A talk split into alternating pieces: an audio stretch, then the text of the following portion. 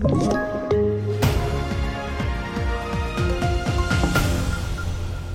TV4-nyheterna börjar i Taiwan där Kina i natt inledde övningar på gränsen till öns territorium enligt Taiwans försvarsdepartement.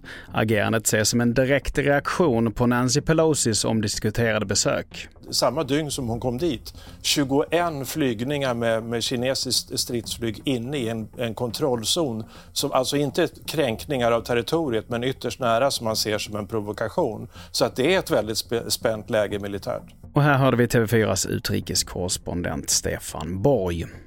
Vidare till att det fortfarande råder explosionsrisk vid den gasollagerbrand som pågått utanför Falun sedan igår eftermiddag. Även om branden avtagit rejält så uppmanar räddningstjänsten allmänheten att respektera avspärrningar och rekommendationer fram tills klockan åtta ikväll. Inga personer ska ha kommit till skada i branden och mer om detta kan du hitta på tv4.se. Och till sist, den konservativa delstaten Kansas röstade nej till det tillägg i konstitutionen som skulle innebära skärpta abortlagar, vilket är en stor seger för abortrörelsen och kvinnors rättigheter. Det är den första omröstningen i landet sedan Högsta domstolen rev upp Roe mot Wade-domen som säkrade aborträtten i landet. Fler nyheter hittar du på tv4.se. Jag heter Mattias Nordgren.